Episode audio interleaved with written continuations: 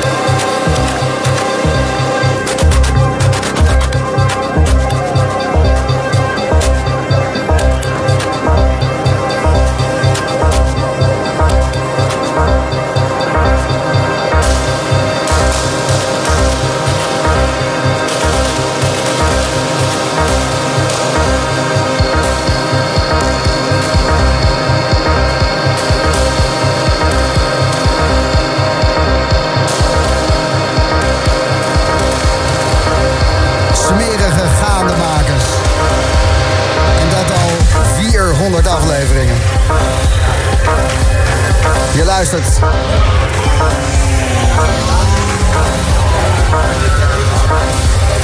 er is zoveel herrie. Ik denk ik start een jingle, maar het is de boomroom bijna luistert. Aflevering 400. Olivier Wijten hangt hier nog ergens. Jochem Hameling staat uh, zeer veel champagne meester te maken. Jawel, het is een zeer goede 400ste aflevering. Als je net je radio aanzet, je luistert Slam. En um, 400 boomrooms, dat vieren we niet in de donkere bossen van het Gooi. De studio staat vanavond opgesteld onder Amsterdam Centraal Station. Onder de sporen. Af en toe voel je het een beetje schudden hier van de treinen die voorbij komen. En het feest is zeer aan. Er staat een mannetje of 600, 700 onder dat lage plafonnetje te reven. In het donker. Met net iets te veel geluid. Precies zoals het hoort. En tot 12 uur. In de mix. Onder Centraal. Alex Niggerman.